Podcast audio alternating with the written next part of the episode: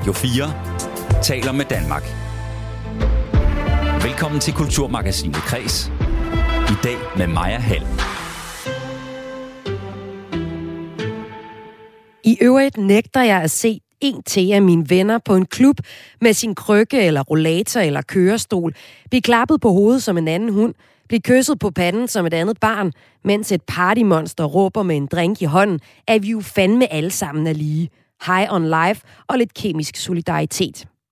Sådan lyder det i Kasper Eriks nye digtsamling, som på forsiden af bogen, jeg står med her, bliver kaldt for handicapdigte. Jeg får besøg af ham sidst i udsendelsen til en samtale om, hvordan han oplever det at skulle leve op til samfundets normer og forventninger til det normale, når man lever med et handicap, som han selv gør.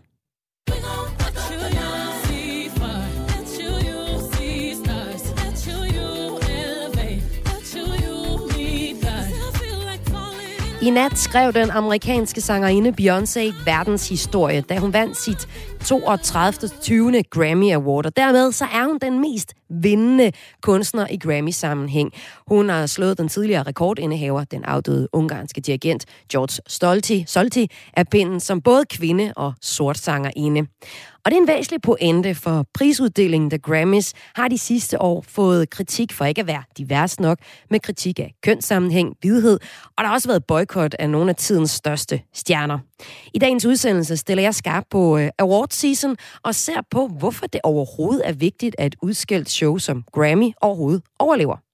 Men først skal det handle om, hvordan modebranchen har en løsning på problemer med spiseforstyrrelser, som en ny dokumentar om fodboldspillere eller stiller skarp på.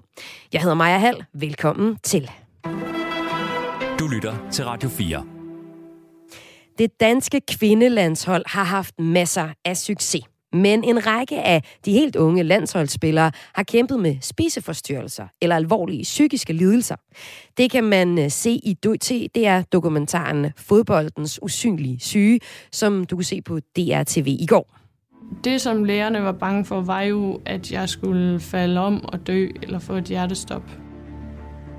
Tæt på en tredjedel af de unge kvindelige elitespillere har symptomer på angst eller depression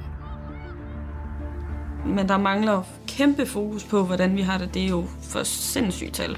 Ja, de tal, øh, hun taler om her, det handler især om en række offentlige øh, vejninger af piger, som nu møder kritik og har ført til nogle voldsomme tal i, i piger, som øh, har fået for eksempel udviklet øh, spiseforstyrrelser.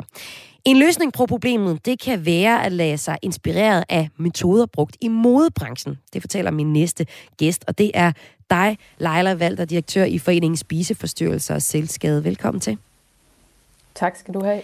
Vi skal tale om løsningen på problemet med ja, psykisk lidelser og spiseforstyrrelser blandt de her unge kvinder, fodboldspillere. Men lad os først lige dykke ned i dokumentaren, som jeg ved, du også er optaget af. Altså, hvad var din første reaktion, da du så den her dokumentar? Jeg må sige, at jeg var rystet. Øh, intet mindre end rystet. Det er jo fuldstændig uforståeligt, at sport øh, unge kvinder med succes inden for sport, som vi jo normalt betragter som smukt, som spændende og som sundt, at det skal have så alvorlige konsekvenser, at det faktisk bliver livstruende at have at være, at være i det konkurrencemiljø, det er, det er simpelthen urimeligt og helt uforståeligt. Når det så er sagt, så det, der er positivt, er jo, at de unge kvinder står frem nu mm. og siger, hvad det har haft af konsekvenser. Det er jo det, der gør muligheden for at gøre noget andet.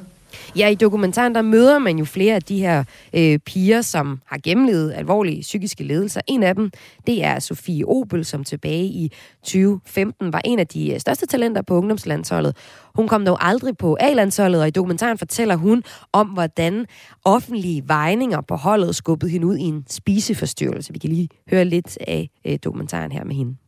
Inden vi gik til morgenmad, så skulle vi gå op og veje os, og så skrive på listen, hvad vi vejede. Der kunne man jo så se ens egen vægt og de alle andres. Ja, og øh, det var de her lister, der bliver hængt op, for eksempel med folks vægte. Hvordan kan det være, at det er så problematisk, at det kan skubbe ud i en, en spiseforstyrrelse, Leila Valter? Jamen, vi ved øh, fra alle mulige forskellige sammenhænge, at et for stort fokus på vægt øger risikoen for spisforstyrrelser. Og særligt i, i de sammenhænge, hvor det bliver brugt til sammenligning. Det kan jo være i de små klasser, hvor hvis sundhedsplejerskerne vejer, og man så deler vægten blandt alle børnene, så bruger de det som et konkurrenceparameter, hvem vejer mindst. Eller det kan være inden for modelverdenen, det kan også være i sportsverdenen. I samme øjeblik, der kommer et stort fokus på, at vægt har en afgørende betydning, så øger det også risikoen for spiseforstyrrelser. Og så er det så særligt den her pointe om, at, at de bliver hængt op offentligt, fordi jeg går ud fra, at, at når man er elitesportsudøver, jamen så er det vigtigt, hvad man vejer, og muskelmasse og fedtprocent i det hele taget. Men det er det her med, at det var til offentlig skue, at, at andre kunne se det, der er, er det et stort, stort problem. Altså det ene er jo, at det bliver et sammenligningsparameter, men det andet er jo også, at det er altså, ikke sikkert, at vægten er, har så stor en betydning. Når Peter Møller han siger, at de ikke længere vejer, så er det jo faktisk, fordi det var en fejltagelse, de gjorde dengang. Øh, både at dele det, men også selve det at veje var en fejl. Og øh, du peger på, at øh, Peter Møller fra DBU, som du nævnte før, men du peger på, at DBU allerede er kommet et godt stykke vej, at de ikke længere har fokus på det her med vægt, at de også tilbyder psykologsamtaler. Men det, der virkelig kunne rykke noget, peger du på, det er et større forebyggende arbejde. Og her kan man hente inspiration for noget, jeg var lidt overrasket over, du pegede på fra modverdenen. Hvad, hvad kan de bidrage med? Det første, jeg vil sige, det er, at det er jo langt fra, at DBU er i mål. De har brug for at få fuldt tæt op og sikret, at alle trænere er uddannet til tidligt at opdage, når der er symptomer på mistrivsel. Men det modbranchen gør, det er at sikre via det, der hedder etisk charter, at alle modeller, som er en del af Copenhagen Fashion Week, får tilbudt systematiske psykologsamtaler, hvor man sikrer, at deres trivsel er i top. Det handler ikke så meget om vægten, det handler i virkeligheden om, at man har et godt ungdomsliv med en masse venner og en masse andre oplevelser, så man ved, at trivselen er i top, og det har de en aftale med os om, at vi simpelthen sikrer ved alle modeller en psykologsamtale. Og det er noget med, at man simpelthen får et certifikat, hvis man ja. godt kan holde til det, eller, eller hvordan er det, man skal forstå det? Ja, altså aftalen er, at de kommer til en samtale hos os, en grundig psykologsamtale, og hvis de ført øh, har en mental trivsel, der er i top, så får de et certifikat, og så kan de være en del af Copenhagen Fashion Week.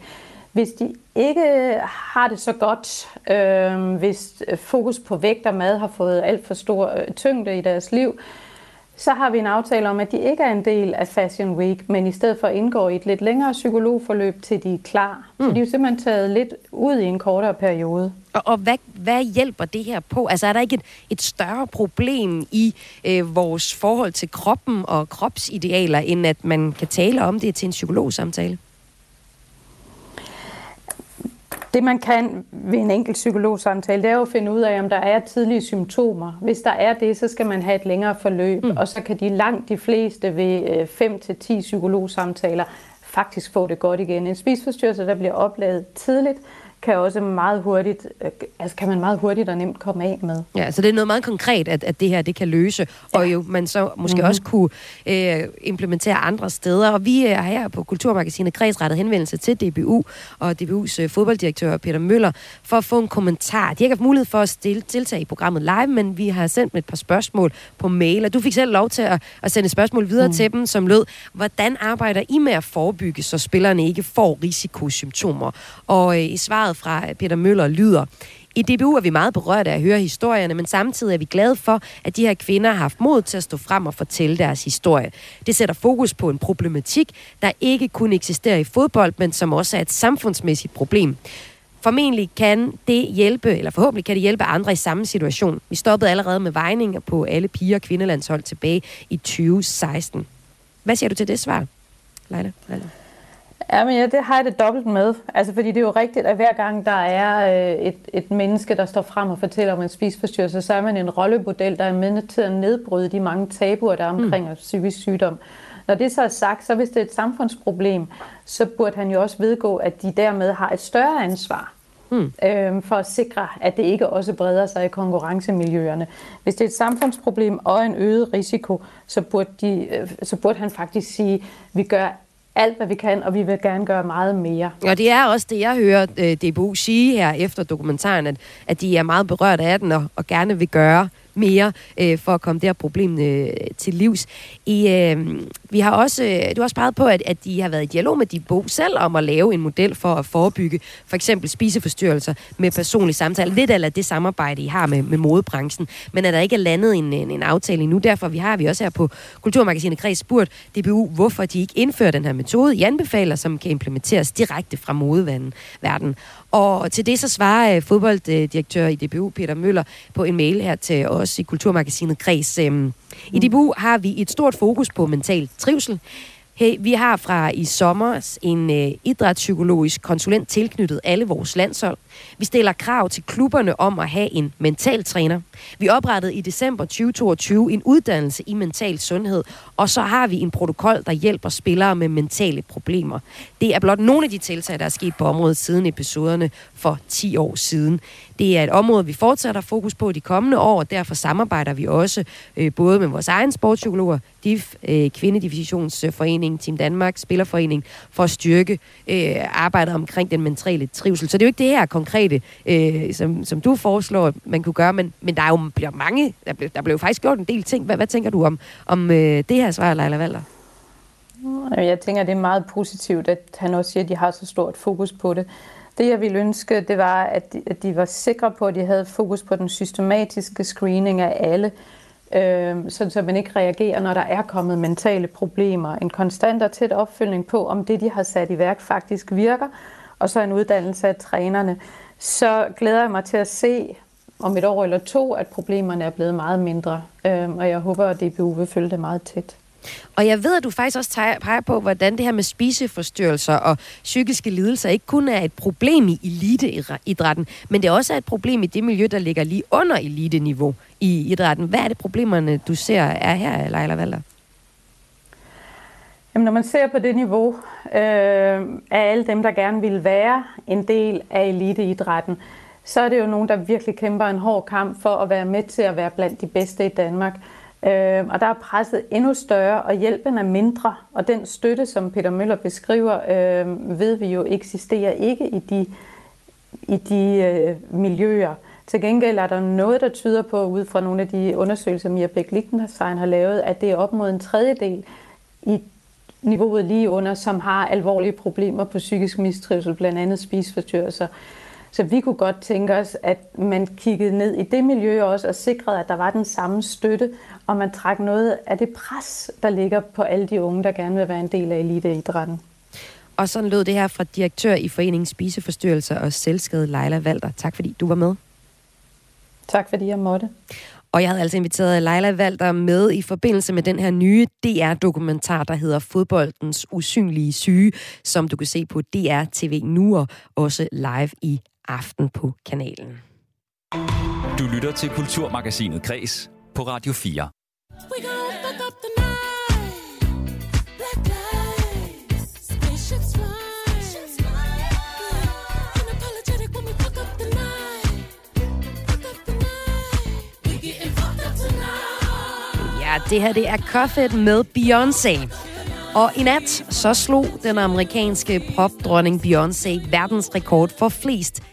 Grammy-priser nogensinde.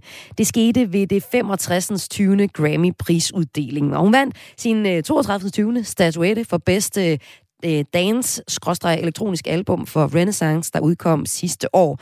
Og overgår dermed den øh, hidtidige rekordinhaver, den afdøde ungarske dirigent George Solti, som nåede at vinde 31 Grammy'er. Men nu har hun altså vundet en mere end ham.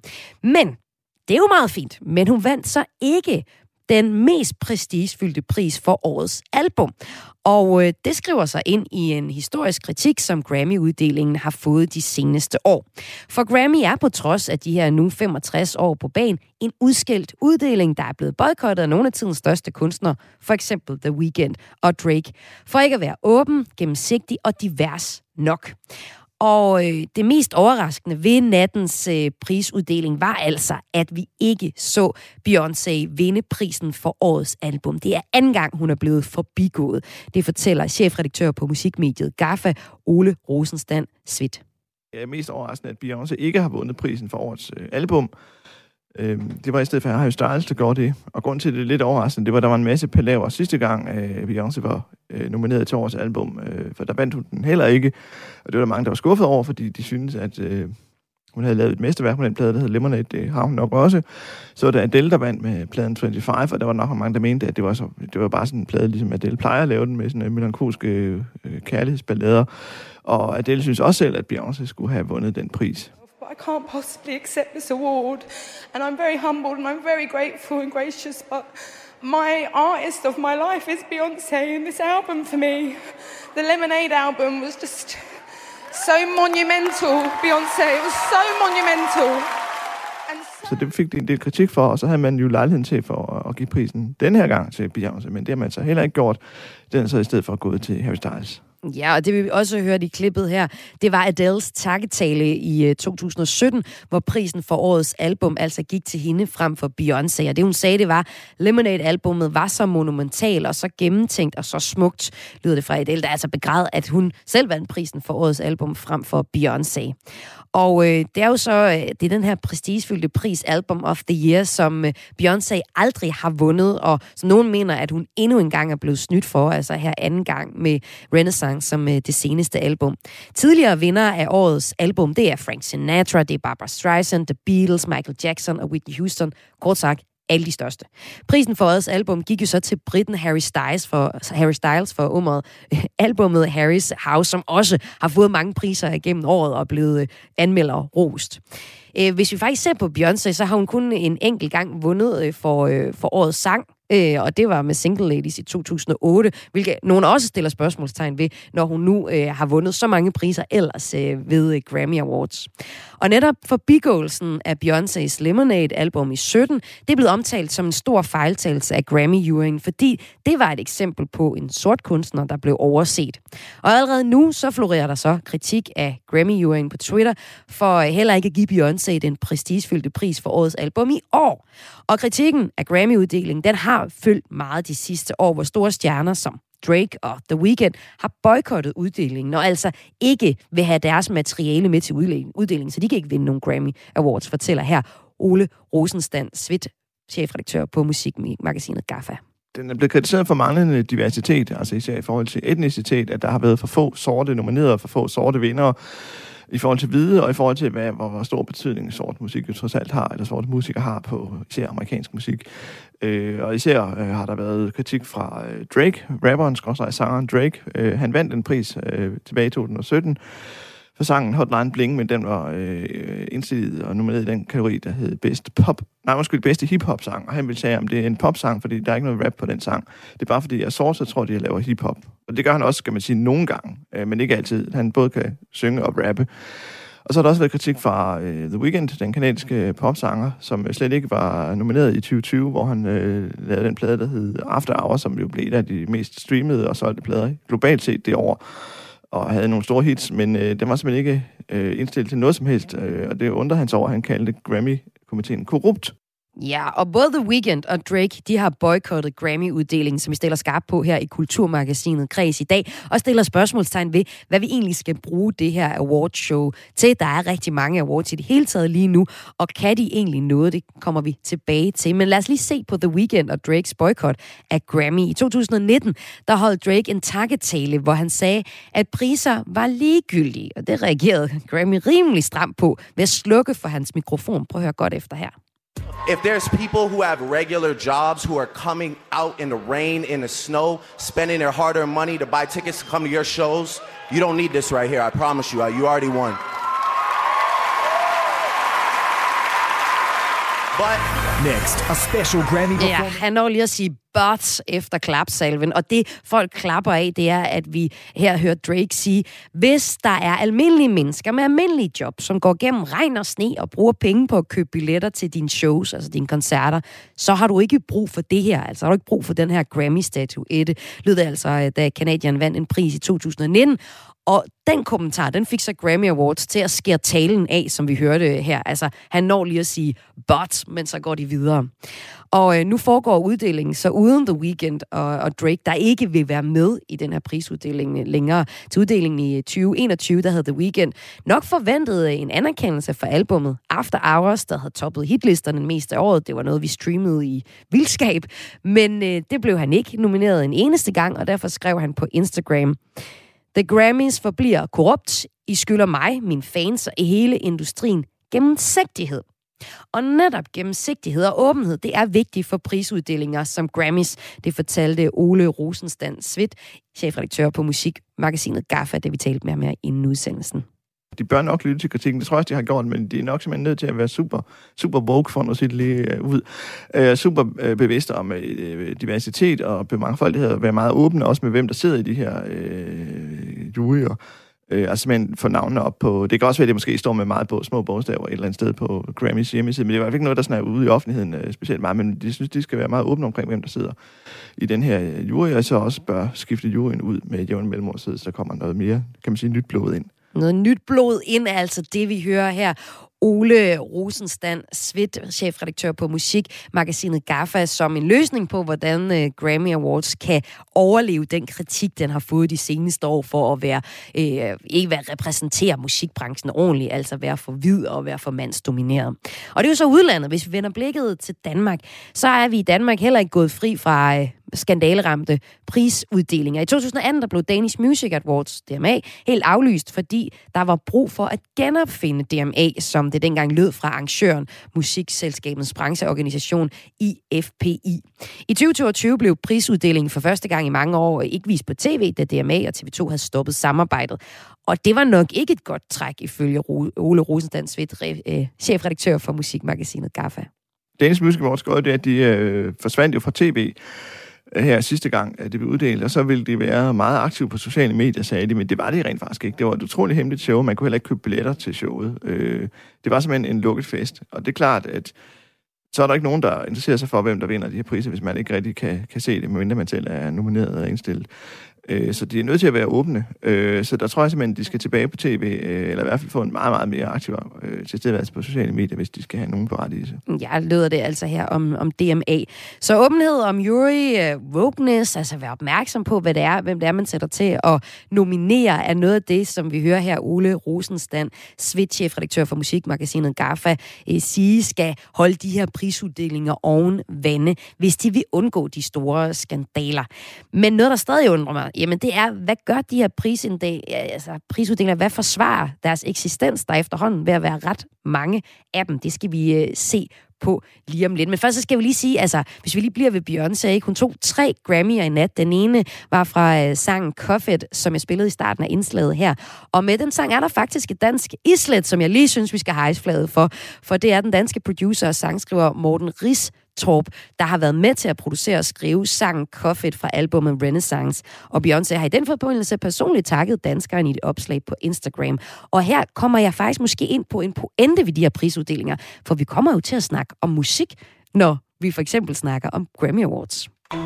Du lytter til Kulturmagasinet Kres på Radio 4.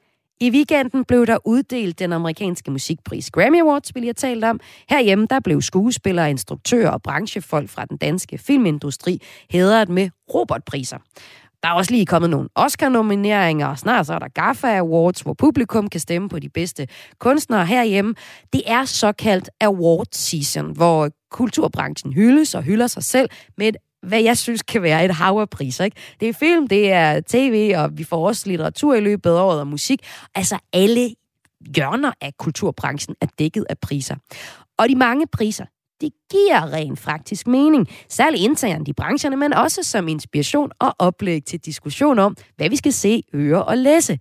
Langt værd så står det så godt nok til, at nogle af de andre kreative brancher, for f.eks. kommunikationsbranchen, har udvandet lidt værdien af en pris, ved at der er for mange, og det er blevet for kommercielt. Sådan lyder analysen fra stifter og partner i brandingsbyrået Mensch, Frederik Prejsler. Velkommen til dig. Tak. Tak skal du have. Hvordan er det, at de mange awards er vigtige i kulturbranchen specifikt, Frederik? Jamen, det er jo fordi hele award-diskussionen, den handler jo i virkeligheden om autoritet. Altså en, en award øh, skal tilføre en autoritet til et værk, som så gør, at vi kan forholde os til det på anden måde end bare øh, en anmeldelse. Og det er jo også det der med at få et samlingspunkt, fordi sige, hvis du skal orientere dig som kulturforbruger alene ud fra anmeldelser, så er du efterhånden et ret bruget billede, som skal ud i. Men awards, de kan i bedste fald, så kan de samle opmærksomheden og sige, det er det her, i dette her år, synes jeg er interessant at tale om som noget af det bedste, der er lavet. Og Frederik, nu har jeg så printet alle vinderne og de nominerede ud fra, øhm, fra både Grammy Awards og øh, også fra Roberprisen. Det er 10 sider, jeg har at dele med mange navne og, og, øh, og læse øh, ned i. Altså, hvordan er det, at jeg som, som bruger af kultur kan bruge de her lister, hvor jeg bare har Harry Styles, Harry's House, og så har jeg, er det mere? Så har vi Sam Smith, har også vundet noget. Kendrick Lamar har vundet ja. noget. Vi har Holy Spider, Bamse. Der er, det er også meget at gå i gang med, ikke? Hvordan er det, jeg kan bruge jo. Jo, og det er jo det, det, der er det interessante ved awards, det er jo, om, øh, om der i virkeligheden om de er, at der er gået inflation i dem, fordi der er så mange af dem. Mm. Der er så mange kategorier. Fordi du kan sige, øh, det der er jo det interessante, nu har vi lige øh, talt, eller I har lige talt om Grammy Awarden, hvor man nu kan have en diskussion om Beyoncé i virkeligheden skulle have vundet. Mm. Og det er jo det, der er det interessante hvert år, det er, om den, der vandt, var den rigtige, mm. eller det skulle have været nogle andre. Ja. Og derfor er det, det bliver det en lille smule problematisk, når der bliver uddelt så mange priser inden for, altså hvis nu vi siger Grammy, hvis, altså alle de priser, der efterhånden er, så vi mangler ligesom hovedvinderen. Ja. Og det betyder i de meget store awards, øh, som, som man kender nogle steder fra, som er, er meget sådan nogle store kommersielle forretninger, der vil man jo gerne have mange kategorier. Det koster et eller andet, lad os sige, det koster 510.000 kroner at sende ind. Altså, hvis man nu er i den her branche, man har lavet et stykke arbejde, som man tænker kan vinde en pris, det vil man gerne, så betaler man jo, det skal man lige huske nogle steder, for at sende ind. Og det betyder, at det faktisk er en rigtig, rigtig stor forretning. Mm. Ja, og så du peger skal vi på, have mange kategorier. Ja, og så peger mm. du på, at der er nogle dele af kulturbranchen, særligt når vi kommer over i de kreative øh, fag, et fag, som du selv repræsenterer, kommunikation, det kan også være arkitektur og design, at her er der ret mange priser, særligt kommunikation. Kan du, øh, kan du kvalificere ja. det? Jamen, der findes, øh, der findes rigtig mange. Altså, der findes øh, en del i Danmark, og der findes øh, rigtig mange globalt. Og de, øh, altså, er vi tilbage til det der med, hvilken pris har autoriteten. Og det ligger de jo sådan øh, i virkeligheden og konkurrerer en lille smule om. Men ikke for alvor, fordi der er nok til alle, fordi vi alle sammen er så forfængelige i vores branche. Så vi vil gerne vinde en pris. Ja. Vi vil også gerne betale for at få lov til at vinde en pris. Ja, det, ja, det synes jeg er interessant. Hvad kan man bruge sådan en, en pris, man har betalt for? Du har sagt sådan noget, der er en, måske en 3-4 danske priser inden for kommunikation, omkring 50 internationalt, altså som har ja. betydning. Men hvor stor ja. betydning er det, hvis du selv har været med til at indstille dig selv og betale for at være med? Ja, men det er jo det, der det, det er jo i virkeligheden der, hvor øh, det hele sådan, man sidder en lille smule på den tynde gren øh, her, ikke? Fordi oh, der tror jeg måske, vi mistede Frederik Prejsler. Kan vi få...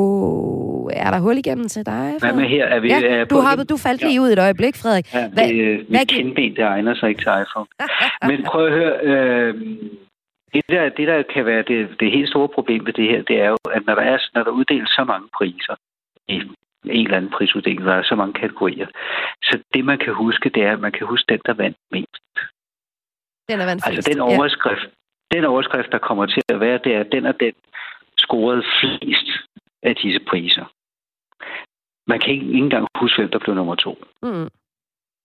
Så selvom der måske er 25, der har vundet priser, eller 50, der har vundet priser, så kan man ikke huske det. Fordi dem, der står tilbage, det er de få, der vandt mest. Så det bliver sådan en lidt underlig konkurrence, og det er jo selvfølgelig i arrangørernes interesse, når de bliver betalt for, øh, eller når de får penge for indsendelser, så gælder det jo om, at folk forsøger at få så mange som muligt, så mange kategorier som muligt, og man siger, jo, men der er også en eller anden lille kategori her for bedste brug af taxabud, den sender vi også lige ind i, og så videre, og så videre. Man finder alle mulige underlige små kategorier. Mm. Og så kommer det store spørgsmål, det er jo så, hvordan man undgår det, du var inde på i, øh, talte om Grammy, hvordan man i virkeligheden undgår, at det bliver en lukket fest. Fordi øh, der er nogle af de her branchepriser, der nu er så meget en lukket fest, at selve øh, ceremonien, hvor de overrækkes, der er faktisk kun de nominerede, og den, det vil sige den nærmeste familie. Der er ikke rigtig andre. Der er heller ikke nogen medier, der gider at dække det.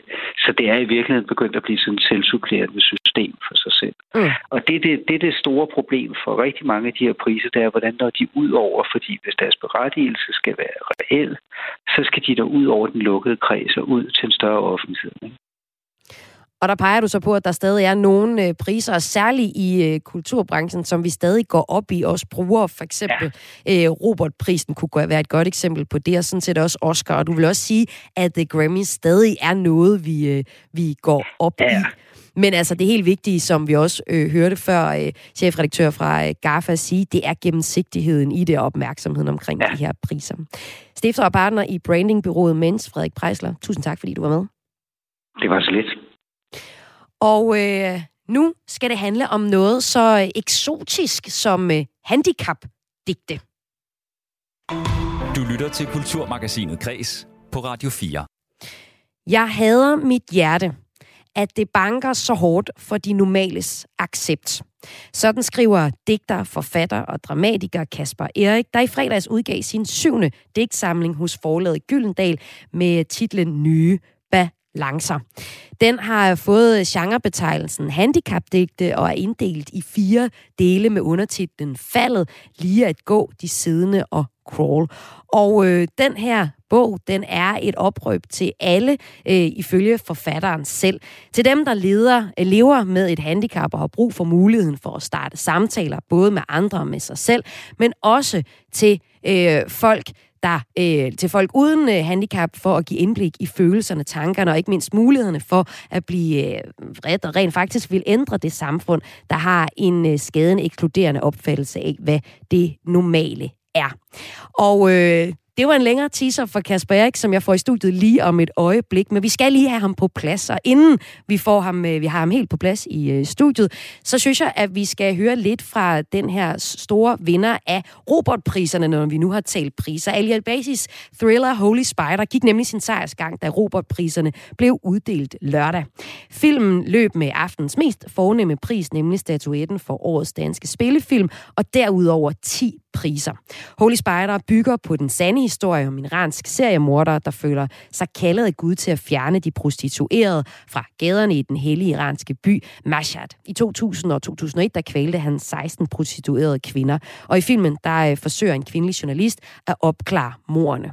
Filmen har, øh, er optaget i Jordan, da instruktøren Ali Al-Basi fik forbud mod at filme i Iran, og han har heller ikke selv mulighed for at rejse til Iran længere, da landet er stærkt kritisk over for filmen. Det fortalte han til min kollega Søren Berggren Toft, da vi talte med ham her i efteråret, da filmen Holy Spider udkom.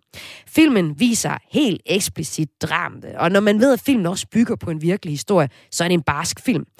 Det øh, starter min kollega så også med at spørge ham om, er det egentlig nødvendigt at lave en så brutal film? Det er sgu ikke noget Pretty Woman, det her. Kan man vise prostitution på en ikke eksplicit måde. Altså, det er jo ligesom, det er det, du gør. Du har sex med fremmede menneske mod betaling. Det, det, det er ligesom ens job. Altså, du bliver nødt til at se, hvad de laver. Og oven i købet vil jeg sige, vi havde jo en helt klart politisk projekt med det her, fordi det, det er ligesom i iranske samfund, øh, medier og iransk film, de har ligesom sådan øh, haft en meget succesfuld censuroperation i over 40 år, der ligesom, de har ligesom fjernet kvindekroppen. De er ligesom, kvinder er med, men de er med som talking heads. Altså i iranske film eller serier eller så videre. De er hele, hele tiden dækket i 10 meter stof, og øh, de gør lige noget. De ligesom, man aldrig mærker deres krop, og vores projekt var jo også på en måde at give dem deres krop tilbage, og gøre det eksplicit og konkret. Og dertil hører til, at sex, vold, alt muligt andet er jo også konkret. Fordi man vil jo ikke mærke det der krop. Man vil jo ligesom se noget, som man har ligesom på en eller anden måde blivet be, ligesom nægtet. Din film øh, Holy Spider, den er, og det er ikke nogen stor overraskelse, den er ikke blevet så positivt modtaget af det officielle Iran. Ifølge øh, Ritzau, så har det iranske filmforbund kaldt den for falsk og ulækker og et forvrænget billede af det iranske samfund. Du har også været nødt til at indspille den i Jordan, i stedet for at indspille den i Iran. Men der er jo flere af skuespillerne i filmen, der er iranere og er bosat i Iran, og i lyset af den situation, der er lige nu, hvilken risiko løber de ved at medvirke i den film her? En af vores hovedroller, Mehdi Bajestani, der spiller Said i filmen, han kan jo ikke øh, tage tilbage til Iran, så han bor i, i Europa lige nu og venter på at se, hvordan situationen udvikler sig. Det vil simpelthen være for farligt for ham at tage tilbage. Og nogle af vores andre folk, de har jo ligesom øh, blevet forhørt af efterretningstjenesten et par gange, og jeg håber inderligt, at øh, Iran, de har ligesom alt for travlt med alt muligt andet, som er større, vigtigere, mere farligt, så at de ligesom ikke generer vores øh, cast og crew dernede. Men, men det er også det, som øh, stater som, som øh, Iran, det totalitære regime, vil jo. Det er at, ligesom, at vi går hele tiden tænke selv, hvor forfærdeligt det kan blive af konsekvenser, og, og vi bliver bange og får, får paranoia og begynder selv censurere. Og jeg tror, det er super vigtigt, at selvfølgelig, at man tænker på alt og alle, og, øh, og ikke er ligesom dumdristigt. Men der går et eller andet sted, det er ligesom, der, der nogen bliver nødt til at betale priset for, at det her skal ændre sig. Kan du selv vende tilbage til Iran og besøge familie og venner? Nej, desværre ikke, og det er faktisk ret frustreret over. Jeg havde på en eller anden måde ønsket, at ting skete lidt om i baglæns rækkefølge, så at ligesom, jeg kunne have været nu i Iran, inden filmen kommer ud, fordi efter at filmen kom ud, de kender mig for godt, for at jeg skulle gå igennem, gå igennem uh, grænsen. Filmen her, Holy Spider, det er din tredje film. Først udkom du med Shelley i 2016, og så efterfølgende med Grænse i 2018. Hvad håber du på at kunne opnå med den her film? Altså, nu er der måske nogen, der bliver lidt træt af, at jeg hele tiden taler om politisk uh, debatten, men det jeg forestiller mig, når jeg forestiller mig i bedste scenarie, ligesom at jeg står på det der podiet i Kodak Theater, hvor nu det er, og skal tage imod eller en staty, det er, at jeg får jo ligesom det der 25 sekunder taltid, der jeg kan ligesom fortælle ligesom nogle million mennesker, hvad der foregår i Iran, og lige give de der mullahs en losing. Er det, er det en politisk film, Holy Spider? Det er på en måde, synes jeg ikke er op til mig til at afgøre. Det kommer an på, hvilke briller du har. Jeg, jeg synes jo, ligesom det her er en film noir, som bevæger sig i underkanten og i skyggesiden af samfundet. På den måde er det jo politisk at prøve at ligesom, du ved, skære igennem den officielle narrativ omkring Iran. Men selvom som privatperson, jeg er imod det iranske styre, øh, jeg håber, at det bliver væltet. Men som filmskaber, det var jo ikke øh, ligesom pointen at lave en film anti-islamisk republik-film. Fordi jeg synes, at en film er, er vigtigere end sådan lyder det her fra instruktør Ali Abasi, der altså står bag Holy Spider, som er den, der vandt suverænt flest priser til Robert, der blev givet her i weekenden, den her danske filmpris. Og det var min kollega Søren Berggren Toft, der havde talt med instruktøren i forbindelse med premieren Holy Spider. Og du kan finde øh, hele udsendelsen fra den 12. oktober, altså hele interviewet med Ali Albasi, som valgte øh, statuetterne for årets danske spillefilm. med Instruktøren bag Albasi vandt for årets instruktør, og ja, i alt øh, 11 priser til den her film, som du kan lege på Blockbuster eller i Grand Hjemmebio, hvis du kunne tænke dig at se den. Du lytter til Kulturmagasinet Kres på Radio 4. Og nu kan jeg byde velkommen til dig, Kasper. Erik, velkommen til. Tak skal du have. Du øh, har netop udgivet øh, bogen Nye Balancer, der hedder Handicapdigt, eller det står der også sådan nede på den. Ja, Tillykke det er genre, genrebetegnelse. Ja, ja. Hvad er handicapdigte? Jamen, øh, handicapdigte, det er digte om handicap. øh, så kort kan det siges. Så nu er du blevet den, der skriver handicapdigte. Hvordan er det, Kasper? Jamen, det er fint. Øh, det har jeg på en måde altid gjort. Det har altid været en, en vigtig del af den måde, jeg ser verden på. Det har bare været måske mindre eksplicit, end det er i præcis denne her bog.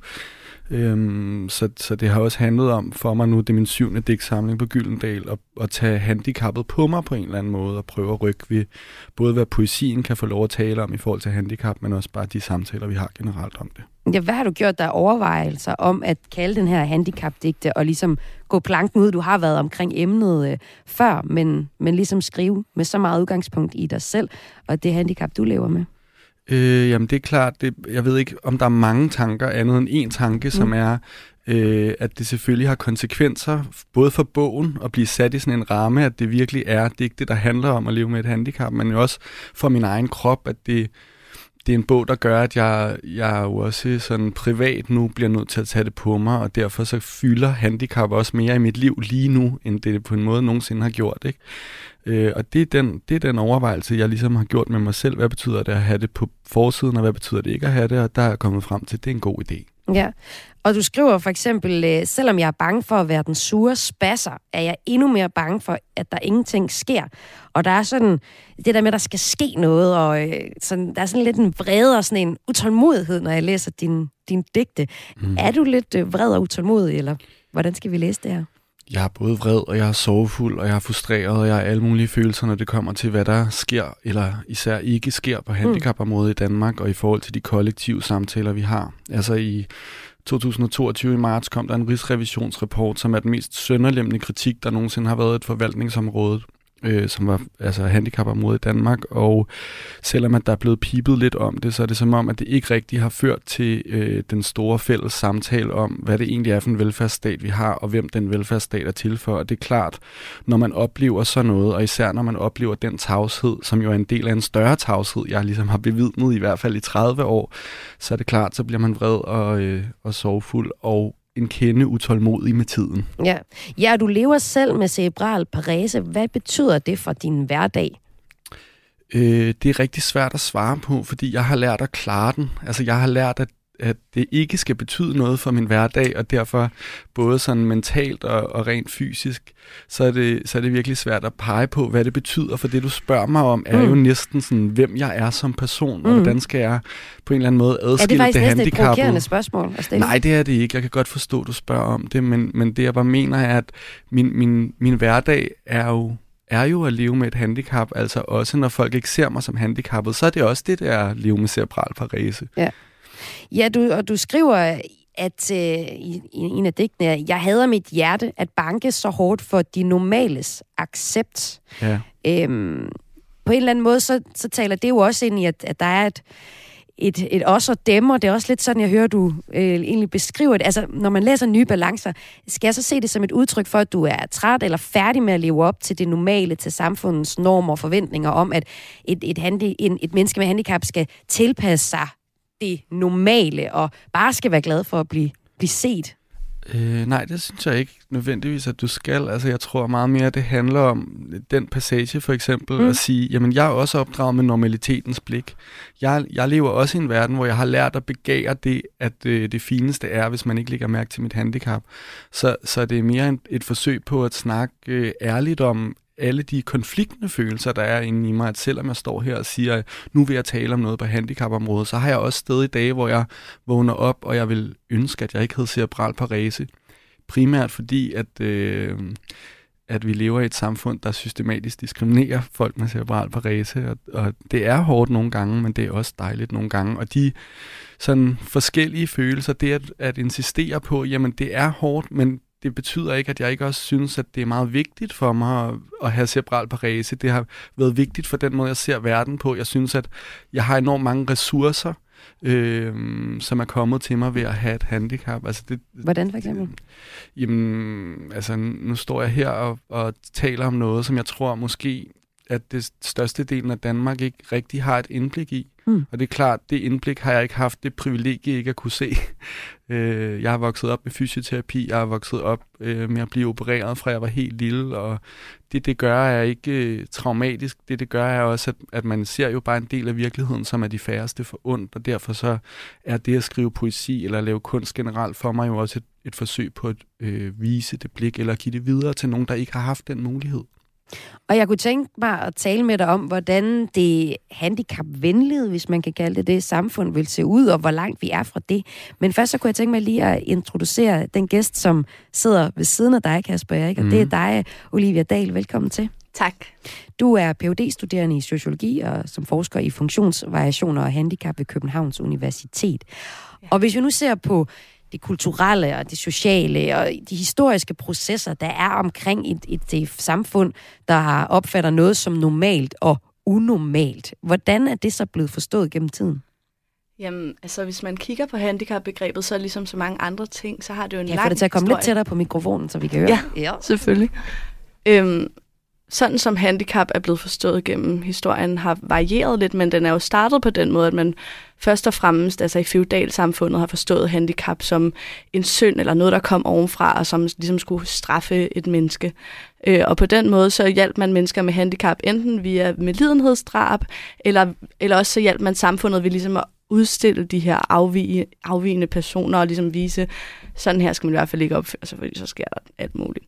Øh, og så skete der jo et skift i vores samfund, altså oplysningstiden og videnskabernes udvikling øh, var med til at fremme en anden forståelse af handicap, altså en mere medicinsk forståelse af handicap. Lige pludselig kunne man faktisk forstå de her afvigende kroppe, og man kunne rent faktisk også fikse og, og korrigere det, man opfattede som unormalt eller forskelligt uforståeligt, øh, noget, der reparationstrængende. Og på den måde så forstod man øh, kroppen som ja, en maskine, der på en eller anden måde kunne optimeres. Og det præger jo selvfølgelig også, og har præget øh, den forståelse, vi har af funktionsvariationer, som man kan kalde det, og funktionsnedsættelser og handicap.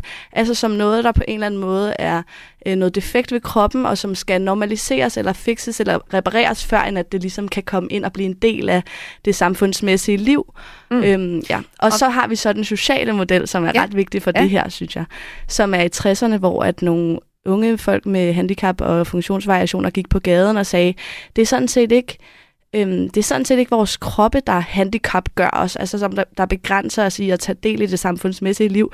Det er samfundet, og det er de samfundsmæssige barriere, og de skældnede mellem fang, begrebet om funktionsnedsættelser, og funktionsvariationer og handicap og sagde, det bliver først til et handicap, når man møder samfundsbarriere.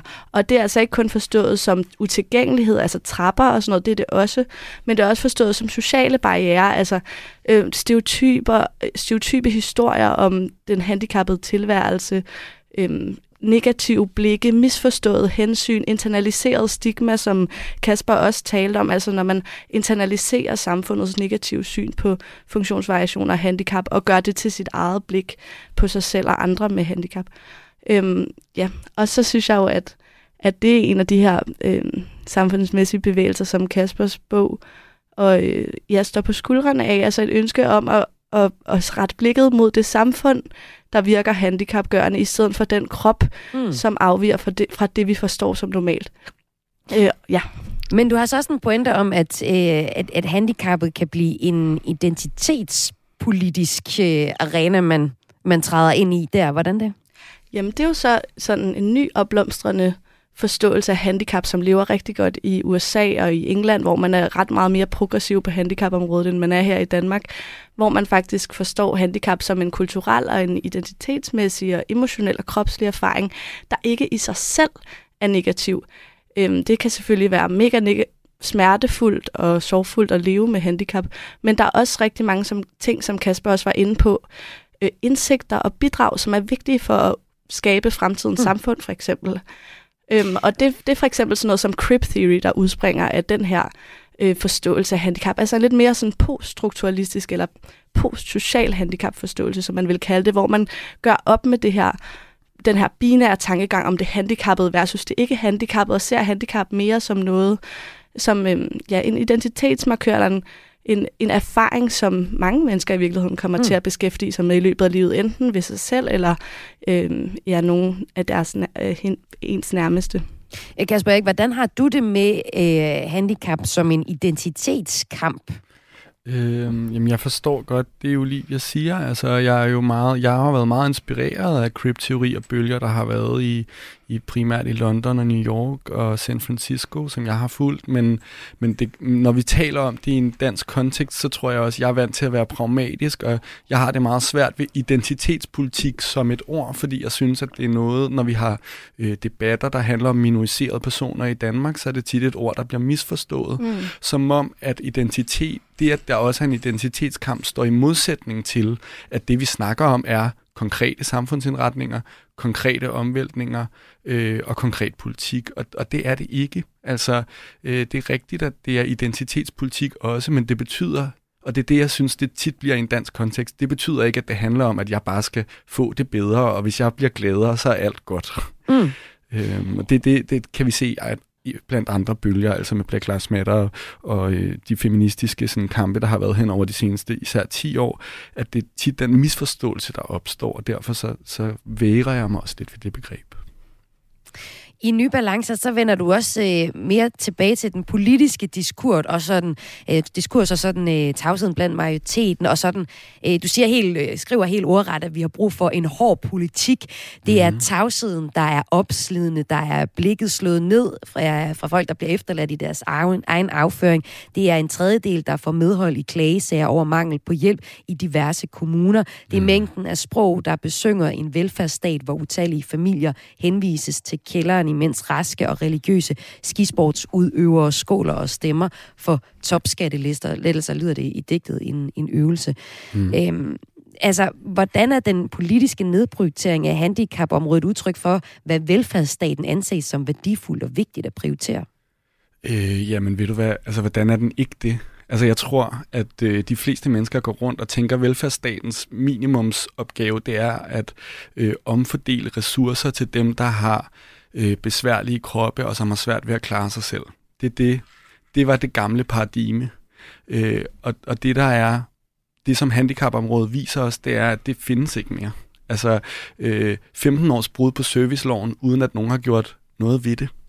Det er vel et bevis på, at øh, velfærdsstaten varetager ikke længere sine grundopgaver, men det tror jeg simpelthen ikke folk ved, for så vil det ikke få lov til at stå til. Mm. Øh, og dem, der ved det, har ingen interesse i at lave det om fordi det er meget dyrt. Øh, så ja, nu kan jeg næsten ikke huske, hvad du spurgte om. Men altså de ting, der kom fra digtet, ikke? Ja. det er meget poetisk og sådan noget, men det er også bare facts. Ja. Altså det er bare fakta, jeg har lavet en liste over. Ikke? Ja. Øhm, Ja, så kan vi jo fortsætte med fakta. Hvordan ser det handicapvenlige samfund ud, vil du sige? Øh, jamen, det er vel ikke fakta. Det er vel en drøm og en utopi. Altså, øh, hvordan ser det handicapvenlige samfund ud? Jeg synes, det, når vi snakker om det på den her måde, så jeg vil gerne drømme stort og sådan noget, Mm. men lige nu, så er min utopi også bare, at vi overholder serviceloven. at kommunerne ikke systematisk underbudgeterer på handicapområdet. Altså, utopien er på en eller anden måde, at vi overholder den lov, vi allerede har vedtaget at vi giver folk den hjælp, vi har aftalt, at de skal have. Er det ikke vildt at stå og sige i et radioprogram, at det er min utopi?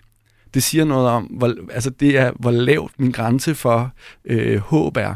Mm. Øh, men det handicapvenlige samfund er, sådan for os lige at prøve at svare ærligt på det, er jo, et, at vi kommer hen et sted, hvor vi begynder at anse folk, der har handicaps, øh, som en enorm ressource for vores samfund. Ikke bare på arbejdsmarkedet, men i forhold til faktisk at have en bredere snak om, hvad det vil sige at være et menneske, hvordan man drager omsorg for hinanden, hvordan vi er forpligtet over for hinanden, øh, og jo ikke mindst sådan altså nu sagde Olivia, du kom næsten ind på det, ikke? men det her med, når man har en besværlig krop, så støder den på samfundet på nogle forskellige måder. Og det, at den gør det, er jo også nogle gange det, der tillader os med handicap at være kreative og tænke fantasifuldt, fordi det er vi blevet nødt til. Øh, så, jeg, så jeg tror, vi overser en kæmpe sådan øh, ressource for mm øh, fantasi og utopi her. Men så blev du egentlig meget konkret, ikke? Hvis vi bare skal leve op til, øh, til den lov, vi egentlig Lad os gerne starte vil. der. Ikke? Hvad Og hvis så vi kan- starter der? Så kan vi spørge dig, Olivia Dahl, som, som forsker i uh, funktionsvariation og handicap. Hvor langt er vi fra, øh, fra det? Jamen, øh, Du har to minutter. jamen, vi er jo... ja. Ja, vi er jo på mange måder rigtig tæt på, for det burde jo være ret nemt egentlig, Ja, ikke? ja. Men, men på mange måder også rigtig langt fra, og Mm. fordi at øhm, ja, jeg synes noget af det, som, som er vigtigt ved den her digtsamling, som Kasper han har udgivet, er jo også at sætte et øhm, ja, sådan identitetsmæssigt og anerkendelsesmæssigt perspektiv på det her område, som virkelig mangler, som vi aldrig rigtig har haft i Danmark. Altså et ryg, som ikke kun handler om rettigheder, men som også handler om at blive anerkendt som ligeværdige og øhm, ja, ligeværdige mennesker i samfundet, uanset hvad for en krop man nu engang har. Så, så, så, så på en eller anden måde, så synes jeg, at ja, spørgsmålet om rettigheder og omfordeling hænger sammen med spørgsmålet om identitet og anerkendelse. Og øh, det synes jeg, at den her bog er rigtig fin med til at sætte, sætte skub i en debat, altså at gøre handicapdebatten til en, til en almen debat. Altså ligesom vi taler alle sammen om sexisme og racisme og homofobi, øh, så bør vi også alle sammen være interesseret i, i, hvad det er, der foregår på handicapområdet, fordi det vedrører os alle sammen på samme måde, som alle mulige andre emner vedrører os. Øhm, og så kan man sige, det der er helt særligt for handicapdebatten, er jo, at vi alle sammen kan blive en del af, af den her minoritet.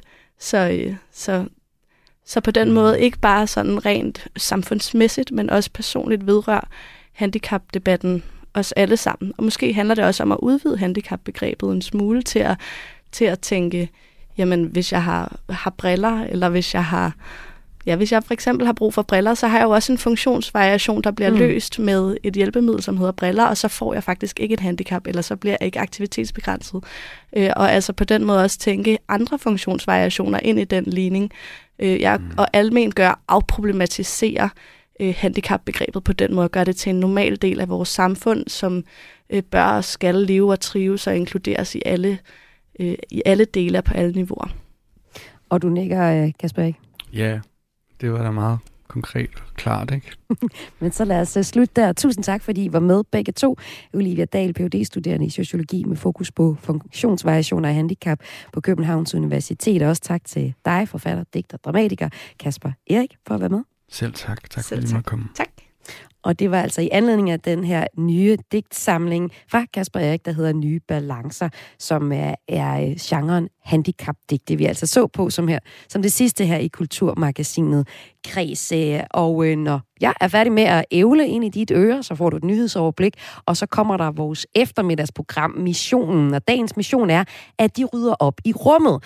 Der er øh, blandt andet øh, kigge lidt på om privatturisme i øh, rummet, og vi, de får også besøg af Michael Linden Vørne om rumskrald, og øh, ser på, hvordan de kan rydde op i rummet. Det er altså efter et nyhedsoverblik.